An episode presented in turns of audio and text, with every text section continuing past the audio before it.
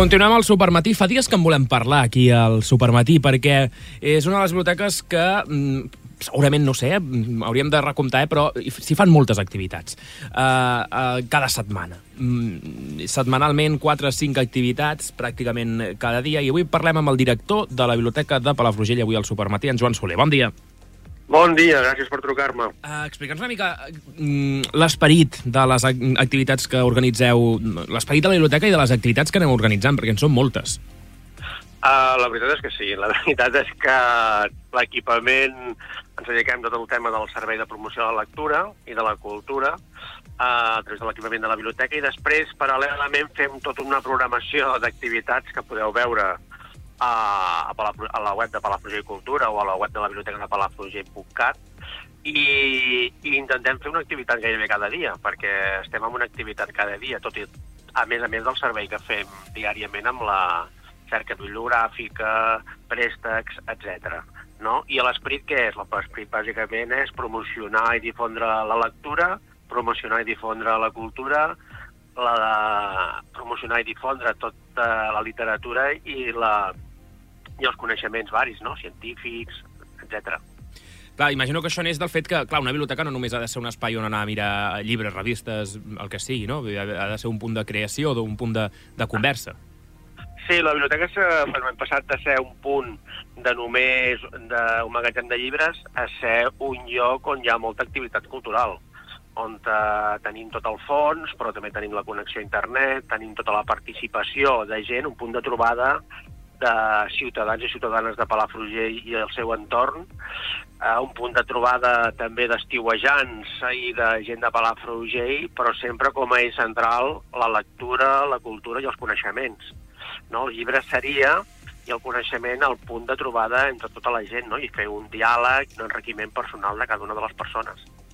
Anem, anem per pas, perquè mm, presentacions de llibres en, en feu, però va més enllà, no? Llavors, m'agradaria també poder repassar per poder-nos fer una idea què és el que hi ha aquesta setmana, per dir alguna cosa, no? Perquè la gent es pugui fer una mica la idea del, del que és habitual una setmana a, a, a Palafrugell.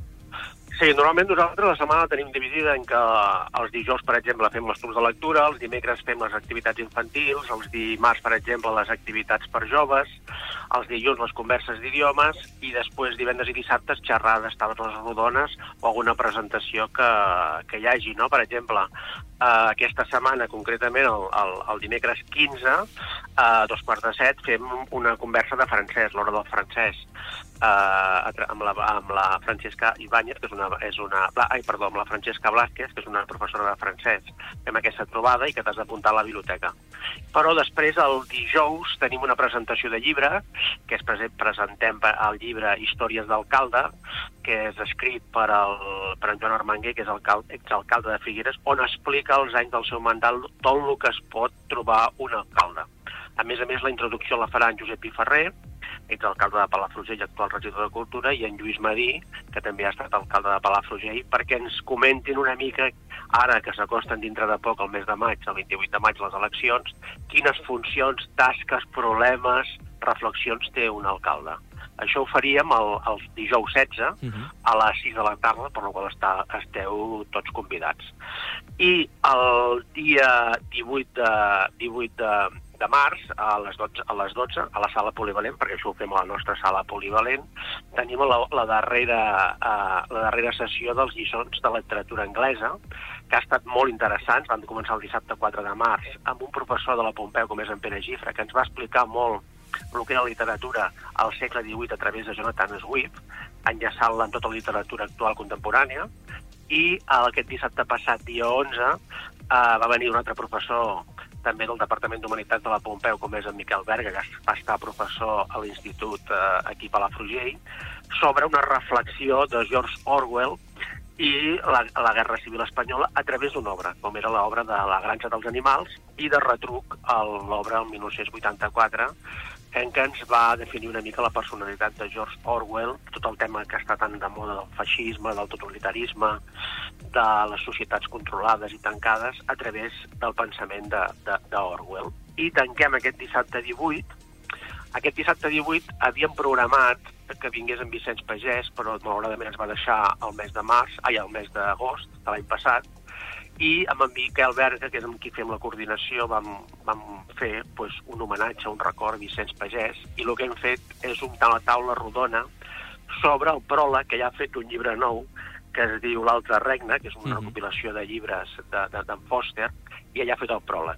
Va ser un dels últims treballs que va, ser, que va fer en Vicenç Pagès, va fer el pròleg d'aquest llibre i va fer una reflexió sobre en Foster, i, i el presentem amb qui el presentem? El presentem amb un periodista que coneixia també en Vicenç Pagès, com és l'Antoni Puigvert, que ens vindrà, i també farem taula rodona amb en Miquel Berga, i amb l'editor de proa, com és en Jordi Raureda, que, que bueno, és, un gran, és un gran editor que porta molts anys, i intentarem tancar aquest cercle de lliçons de literatura, que són de literatura anglesa, però que al final ens parlen de la literatura en general, dels grans autors de la literatura universal, i com aquesta reflecteix la, la societat del moment i la societat contemporània. Clar, eh, eh, això, com deies, hi ha diversos cicles no?, que aneu fent, la, lliçons de literatura anglesa. Ja també l'esteu fent el, el cicle de lectura en femení, no?, també, coordinat per sí, la Maria Sí, el de lectura que el 2022 vam, vam fer... Normalment en tenim uns de tradicionals, com és el Club d'Imprescindibles de la Literatura Catalana, que ho fem en coordinació amb la Fundació Josep Pla, i el que intentem és donar a conèixer o difondre els autors catalans de més renom, o si és un any Fuster, o un any Caldés, o un any Rodoreda, i intentem que, que aquests escriptors també de segona línia de la nostra literatura, que no han tingut potser el ressò prou important, perquè som una literatura petita, però donar-los una mica de difusió, una mica de presència. I eh, fem el club de, dels imprescindibles -huh. Després l'altre club sí. eh, tradicional seria el club de narrativa, en el qual intentem donar a conèixer la literatura universal a través de les obres que, que es tornen a traduir, sobretot, i d'escriptors de, en llengua castellana, també, i el lectura en femení, que és, bàsicament, lectura, i eh, escriptura feta per, per, per, per dones, per escriptores, i que creiem que ha de tenir una certa rellevància a la biblioteca i una mica comentar les idees que es posen en els seus llibres. Uh -huh. Després hi ha, hi ha mm, dos conceptes al voltant de la Biblioteca de Palafrugell també que m'agradaria que en parlessis. Uh, són els, els, uh, el projecte Arteca i els Sketchers. Sí. Uh, fa uns 15 anys eh, quan hi havia la Carme Fernández de direcció i la Gòria Cruz de regidora amb en, amb en Gerard Pruïes, es va iniciar aquest projecte, també de mà de, de, de, mà de la Blandín, que era la promoció de l'obra i els artistes locals, que era Arteca que és un projecte per difondre l'art, per difondre els artistes locals, per fer exposicions, per fer activitats, i que ha anat creixent progressivament amb els anys, i, i eh, paral·lelament en aquest creixement d'aquest projecte Arteca, que té aquestes exposicions i aquestes activitats, va sortir un grup una mica liderat per, el, per l'artista Lluís Bruguera, en la qual eh, feien aquestes sortides eh, en aquest entorn tan magnífic que tenim aquí de l'Empordanet eh, per pintar. Aleshores, eh, hem constituït un grup d'artistes amateurs i algun semiprofessional que cada X dissabtes surten eh, a pintar, eh, doncs un dia van a Tamariu, l'altre dia van estar aquí a, a l'Hotel Mascort, que van pintar totes les taulades de Palafrugell, un altre dia van a la Carbonera, saps? Un altre dia eh, van al Canadell, i aleshores fan eh, en diferents moments de l'any, perquè clar, no, no és el mateix pintar l'estiu que pintar l'hivern, els colors, per la, per la llum, per la intensitat.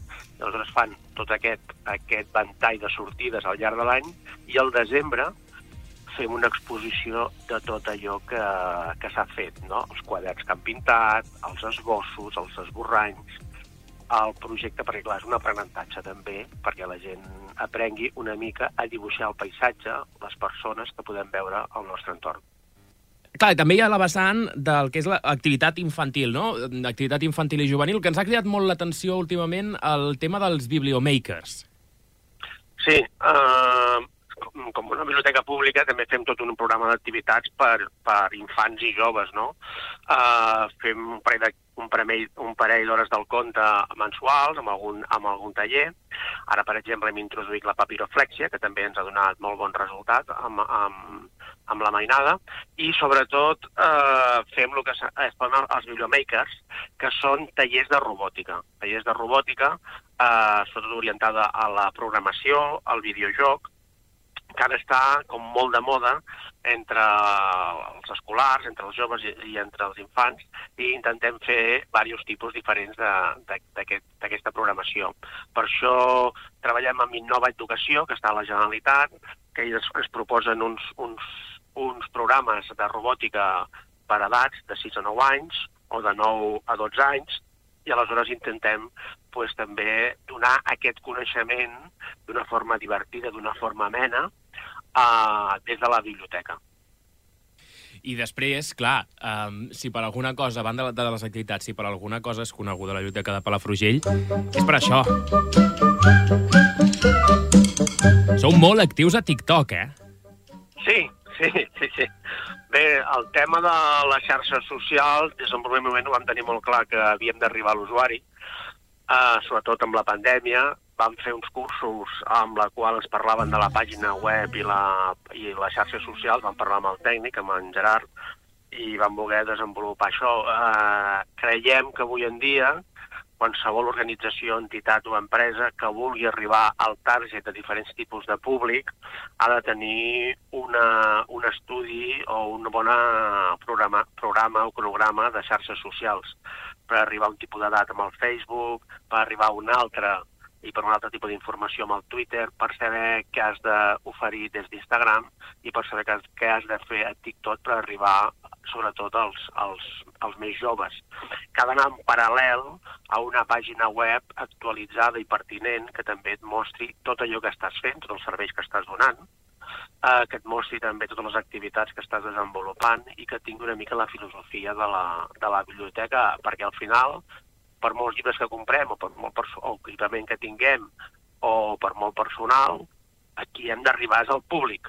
I el públic està fora i l'has d'anar a buscar una mica, has de fer una mica de, de màrqueting, perquè si tens un fons i no s'utilitza, eh, el que vols és que hi hagi ús, saps? I que hi hagi bones valoracions.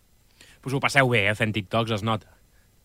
Bueno, hem fet diversos equips. Tenim un equip masculí que fa més Twitter i és una cosa més sèria, i després tenim un equip femení molt creatiu. De fet, hem anat a fer ens hem posat com a punters perquè ja hem anat a fer un parell de xerrades en diversos congressos i, en, i a la Universitat de Barcelona sobre l'aplicació de les xarxes socials en un equipament públic, perquè parlem molt de xarxes socials a l'empresa, però no en parlem en un tema d'equipament de, públic per arribar als diferents targets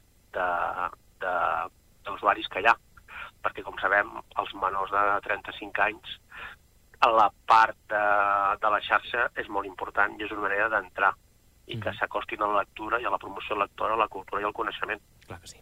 I a banda, doncs, això, també un podcast a la ràdio, Ràdio Palafrugell, també, cada dues setmanes, sí, vull dir que... Exacte, que me la deixava, perdona. Molt bé, doncs, eh, res, Joan Soler, que recordem el, la direcció web de la biblioteca, bueno, a, a TikTok, arroba Biblioteca de Palafrugell, això per començar, i a sí. bibliotecadepalafrugell.cat per veure totes les activitats que aneu fent eh, cada setmana. Hem parlat amb sí, en Joan... tot el que fem cada setmana. Si algú eh, li interessa i no pot accedir per web, ens pot trucar al 972 30 48 09 i per aquell que ho vulgui rebre per e-mail, també tenim un butlletí mensual amb totes les activitats que pot rebre al seu correu personal, només ens ho ha de demanar a la biblioteca, al taulell, i també li fem, li fem arribar. I convidar a tothom, tots els ciutadans i ciutadanes de Palafrugell i del Torn, que poden venir a la biblioteca de dilluns a dissabte a agafar llibres, a connectar-se a internet, a participar en les nostres activitats, o si, té, o si té qualsevol dubte a nivell lector o cultural. Fantàstic, molt bé. Doncs hem parlat amb en Joan Soler, que és el director de la Biblioteca de Palafrugell. Gràcies per passar pel Supermatí de Ràdio Palafrugell, de Ràdio Capital i en emissió en Ràdio Bisbal. Moltes gràcies. Gràcies a, gràcies a vosaltres. Merci.